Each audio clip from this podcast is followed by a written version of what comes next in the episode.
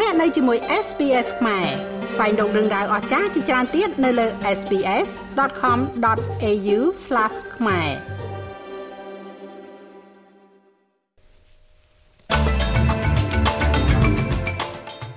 អត្រាអតិផរណាបន្តកើនឡើងជាមួយនឹងការប្រមានអំពីថ្លៃទំនិញដែលនឹងឡើងកាន់តែខ្លាំង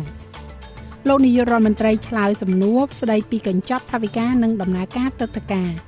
ក្រុមហ៊ុនធានារ៉ាប់រងសុខភាព Medibank បញ្ជាក់ថាក្រុម hacker បានចូលទៅប្រើប្រាស់ទិន្នន័យផ្ទាល់ខ្លួនរបស់អតិថិជន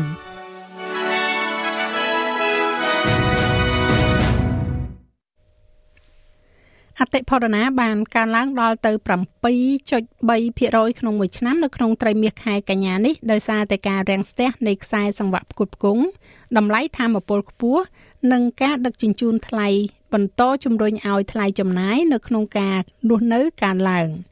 យោងទៅតាមទិន្នន័យពីការិយាល័យស្ថិតិជាតិបានឲ្យដឹងថាអត្រាអតិផរណាក្នុងត្រីមាននេះបានឡើងដល់1.8% អត្រាអតិផរណាជាមូលដ្ឋាន គឺជាតួលេខដែលធនាគារកណ្ដាលយកចិត្តទុកដាក់បំផុតនៅពេលធ្វើការសម្រេចចិត្តលើអត្រាការប្រាក់នោះបានឈានដល់6.1%ក្នុងឆ្នាំនេះគិតដល់ខែកញ្ញាថ្លៃសាងសង់និងកង្វះកម្លាំងពលកម្មបានជំរុញឲ្យមានការកើនឡើងនៅក្នុង CPI នៅក្នុងខែកញ្ញានេះគេរំពឹងថាទឹកជំនន់ដែលកំពុងតែកើតឡើងនៅចុងក្រោយនេះនឹងទប់អត្រាអតិផរណាឲ្យនៅខ្ពស់បំផុតកាន់តែយូរទៀត រដ្ឋាភិបាលរំពឹងថាទឹកជំនន់នៅរដ្ឋ Tasmania, New South Wales និងរដ្ឋ Victoria នឹងជំរុញឲ្យថ្លៃបន្លែនិងផ្លែឈើកើនឡើង8%នៅក្នុងរយៈពេល2ត្រីមាសបន្ទាប់។លោកនាយករដ្ឋមន្ត្រី Anthony Albanese បាននិយាយអំពីដំណើរការទឹកធការនិងលើកឡើងអំពីកញ្ចប់ថវិកាសហព័ន្ធដែលរួមមានការកែលម្អយ៉ាងច្រើន នៅក្នុងការផ្តល់ថវិកាដល់ក្រសួងកិច្ចការផ្ទៃក្នុង កញ្ចប់ថវិកាសហព័ន្ធបានបន្ថែមប្រាក់ចំនួន500លានដុល្លារដល់នាយកដ្ឋាននេះដើម្បីជាមូលនិធិសម្រាប់ដំណើរការទឹកធការឲ្យបានលឿនជាងមុន។លោក Albanese ក៏បានបង្ហាញនៅក្តីសោកស្ដាយផងដែរដែលរដ្ឋាភិបាលមុនបានបន្សល់ទុកនៅករណីដែលមិនទាន់សម្រេចជិត1លានករណី I must say that we uh, inherited a situation ខ្ញុំត្រូវតែនិយាយថាយើងទទួលបាននៅមរតកនៃស្ថានភាពដែលអាក្រក់ជាងការរំពឹងទុកទៅទៀតរដ្ឋាភិបាលមិនមានដំណាភាពអំពីការពិតដែលថាមានមនុស្សជិត1លាននាក់នៅតម្រង់ជួររងចាំហើយវាមានផលប៉ះពាល់យ៉ាងពិតប្រាកដដល់ការខ្វះខាតកម្លាំងពលកម្មជំនាញនោះក៏ជាឥទ្ធិពលដល់ក្រុមគ្រួសារសម្រាប់ការជួបជុំគ្រួសារផងដែរ ចំពោះកញ្ចប់ថវិកាវិញលោក Anthony Albanese បាននិយាយថាកញ្ចប់ថវិកានេះបានឆ្លុះបញ្ចាំងពីការគ្រប់គ្រងសេដ្ឋកិច្ចដែលមានការទទួលខុសត្រូវនៅពេលដ៏ត្រឹមត្រូវហើយថាវានឹងការពារប្រជាជនអូស្ត្រាលី។លោក Albanese បាននិយាយអំពីចក្ខុវិស័យរយៈពេលវែងយ៉ាងដូចនេះថា We haven't played short-term politics with this. យើងមិនបានលេងល្បែងនយោបាយរយៈពេលខ្លីជាមួយនឹងរឿងនេះទេ អ្វីដែលយើងបានធ្វើគឺបានដាក់ចេញនៅវិធានការនានាដែលនឹងធ្វើឲ្យសេដ្ឋកិច្ចរីកចម្រើន ដែលនឹងធ្វើឲ្យវាកាន់តែអត់ធន់ឡើងខណៈដែលការផ្ដល់ជំនួយសង្គ្រោះដល់ថ្លៃចំណាយនៅក្នុងការរស់នៅក្នុងរបៀបដែលមិនដាក់សម្ពាធទៅលើអតិផរណា និងមិនធ្វើឲ្យខូចខាតដល់សេដ្ឋកិច្ច ប៉ុន្តែមេដឹកនាំបកប្រឆាំងលោក Peter Dutton និយាយថាកញ្ចប់ថវិការបស់រដ្ឋាភិបាលសហព័ន្ធនេះកំពុងតែចាប់ផ្ដើមធ្វើការផ្លាស់ប្ដូរទៅរកធម្មពលកកើតឡើងវិញដែលរហ័សពេក។នៅក្នុងកញ្ចប់ថវិកាដែលទៅតែប្រគល់ចេញកាលពីយប់មិញនេះថវិកា20,000លានដុល្លារត្រូវបានកំណត់ដើម្បីឈ្មោះទៅរកការធ្វើឲ្យប្រសើរឡើងដល់បណ្ដាញអគិសនី 500លានដុល្លារសម្រាប់ការកាត់បន្ថយការបំភាយឧស្ម័ននៃការដឹកជញ្ជូនរួមទាំងរថយន្តអគិសនីនិងស្ថានីយសាកថ្មនិង100លានដុល្លារទៀតផ្ដល់ទៅការបណ្ដុះបណ្ដាលធម្មពលថ្មីលោក Dutton បានប្រាប់ ABC ថាផែនការទាំងនេះមិនមាននិរន្តរភាពទេ Now we all support a reduction in emissions ឥឡូវនេះយើងនឹងគ្រប់គ្រងដល់ការកាត់បន្ថយការបំភាយឧស្ម័ននិងផ្លូវដែលអាចទុកចិត្តបាននៅក្នុងការធ្វើដូច្នេះ យើងនឹងគ្រប់គ្រងការដាក់បញ្ចូលធម្មពលកកើតឡើងវិញទៅក្នុងប្រព័ន្ធនេះប៉ុន្តែរដ្ឋាភិបាលកំពុងនិយាយអំពីការដាក់បង្គោលនិងខ្សែភ្លើងចម្ងាយ28គីឡូម៉ែត្រវានឹងមិនអាចកើតឡើងទេ នៅប្រទេសអាល្លឺម៉ង់ពួកគេបានបញ្ឈប់វាហើយ។កញ្ចប់ថវិកាសហព័ន្ធថ្មីនេះបានសង្កត់ធ្ងន់ទៅលើលទ្ធភាពនៅក្នុងការមានផ្ទះសម្បែងរស់នៅជាមួយនឹងថវិកា10,000លានដុល្លារបែងចែកសម្រាប់កម្មវិធី Housing Australia Future Fund ថ្មី ហើយក្រុងនឹងសាងសង់ផ្ទះរដ្ឋចំនួន30,000ខ្នងលោកស្រី Emma Grenard នាយកប្រតិបត្តិនៃអង្គការផ្ដល់ទីជម្រកជាតិ National Shelter មានប្រសាសន៍ថាគណៈពេលដែលគំនិតវិជ្ជមាននៃលំនៅឋានបានคล้ายទៅជាចំណុចកណ្ដាលនៃកញ្ចប់ថវិកានេះភ្លាមភ្លាមវានឹងជួយសម្រាលបន្ទុកដល់អ្នកជួលបានតិចតួចប៉ុណ្ណោះ probably the the one thing that we would have liked to វាប្រហែលជារឿងមួយដែលយើងចង់ឃើញគឺការឆ្លើយតបមួយចំនួនតាក់ទងទៅនឹងការជួលយើងចង់ឃើញការឆ្លើយតបភ្លាមភ្លាមមួយចំនួនបន្ថែមទៀតចំពោះអ្នកជួលដែលកំពុងតែជួបប្រទះភាពតានតឹង។ លោក Joel Dingham នាយកប្រតិបត្តិនៃក្រុមហ៊ុន Better Renting បានរកឃើញថាកញ្ចប់ថវិកាមានចំនួនតិចតួចបើទោះបីជាមានការផ្លាស់ប្ដូរជាវិជ្ជមាននៅក្នុងទូនាទីដែលរដ្ឋាភិបាលដើរតួក្នុងការធ្វើឲ្យមានលំនៅឋានតម្លៃសមរម្យក៏ដោយ។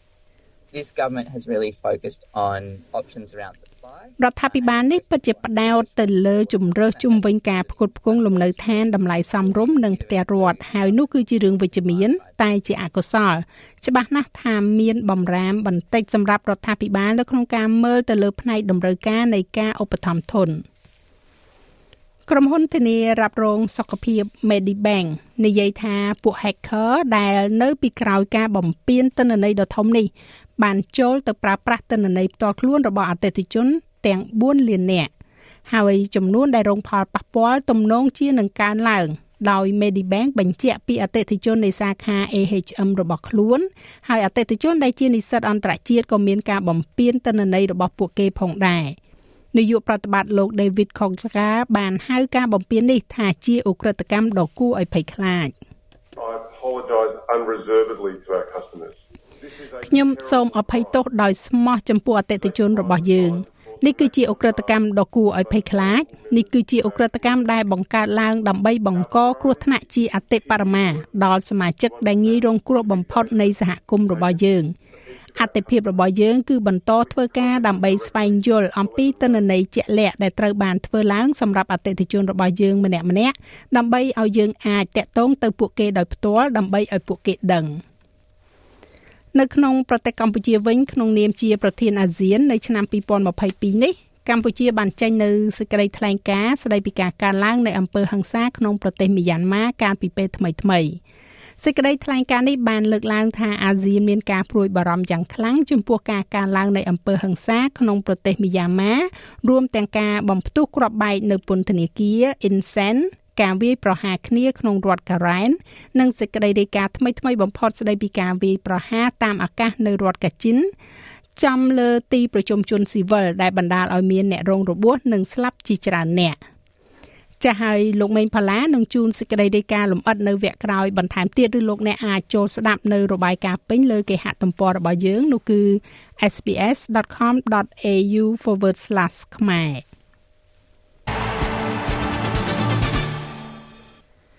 នៅក្នុងព័ត៌មានកីឡា Cricket កីឡាករអូស្ត្រាលីកំពុងទទួលបាននូវការជូនដំណឹងអំពី COVID-19 បន្ទាប់ពីអ្នកគប់បាល់វិល Adam Zampa បានធ្វើតេស្តវិជ្ជមាននៅពេលមកដល់ទីក្រុង Perth កីឡាកររូបនេះត្រូវបានគេបំបែកចេញពីសមាជិកក្រុមដទៃទៀតដើម្បីជៀសវាងការផ្ទុះឡើង ហើយខកខាននៅជ័យជំនះ7គ្រាប់កាលពីយប់ថ្ងៃអង្គារលើប្រទេសស្រីលង្កា។ កីឡាករ Marcus Stoinis បានធ្វើការអធិប្បាយថាការប្រុងប្រយ័ត្នកំពុងត្រូវបានធ្វើឡើងដើម្បីរក្សាក្រុមនេះឲ្យមានសុវត្ថិភាពតាមដែលអាចធ្វើទៅបានរឿងនេះកើតឡើងនៅពេលដែលអូស្ត្រាលីត្រៀមសម្រាប់ការប្រកួតជាមួយនឹងគូប្រជែងអង់គ្លេសនៅថ្ងៃសុក្រចំណែកឯអត្រាប្តូរប្រាក់វិញ1ដុល្លារអូស្ត្រាលីមានតម្លៃប្រមាណជា63សេន8ប្រាក់ដុល្លារអាមេរិកត្រូវនឹងជិត2650រៀលប្រាក់រៀលខ្មែរ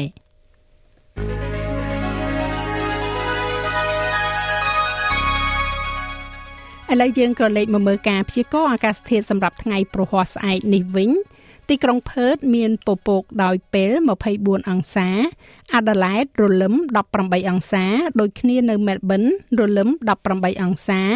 មានភ្លៀងនៅហូបាត18អង្សា នៅខេនបារ៉ារលឹម19អង្សា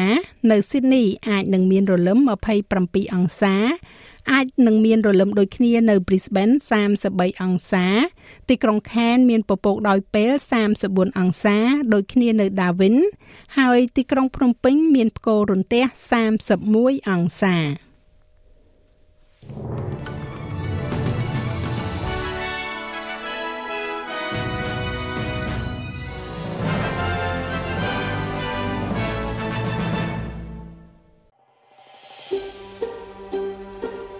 ចង់ស្ដាប់រឿងរ៉ាវបែបនេះបន្ថែមទៀតទេ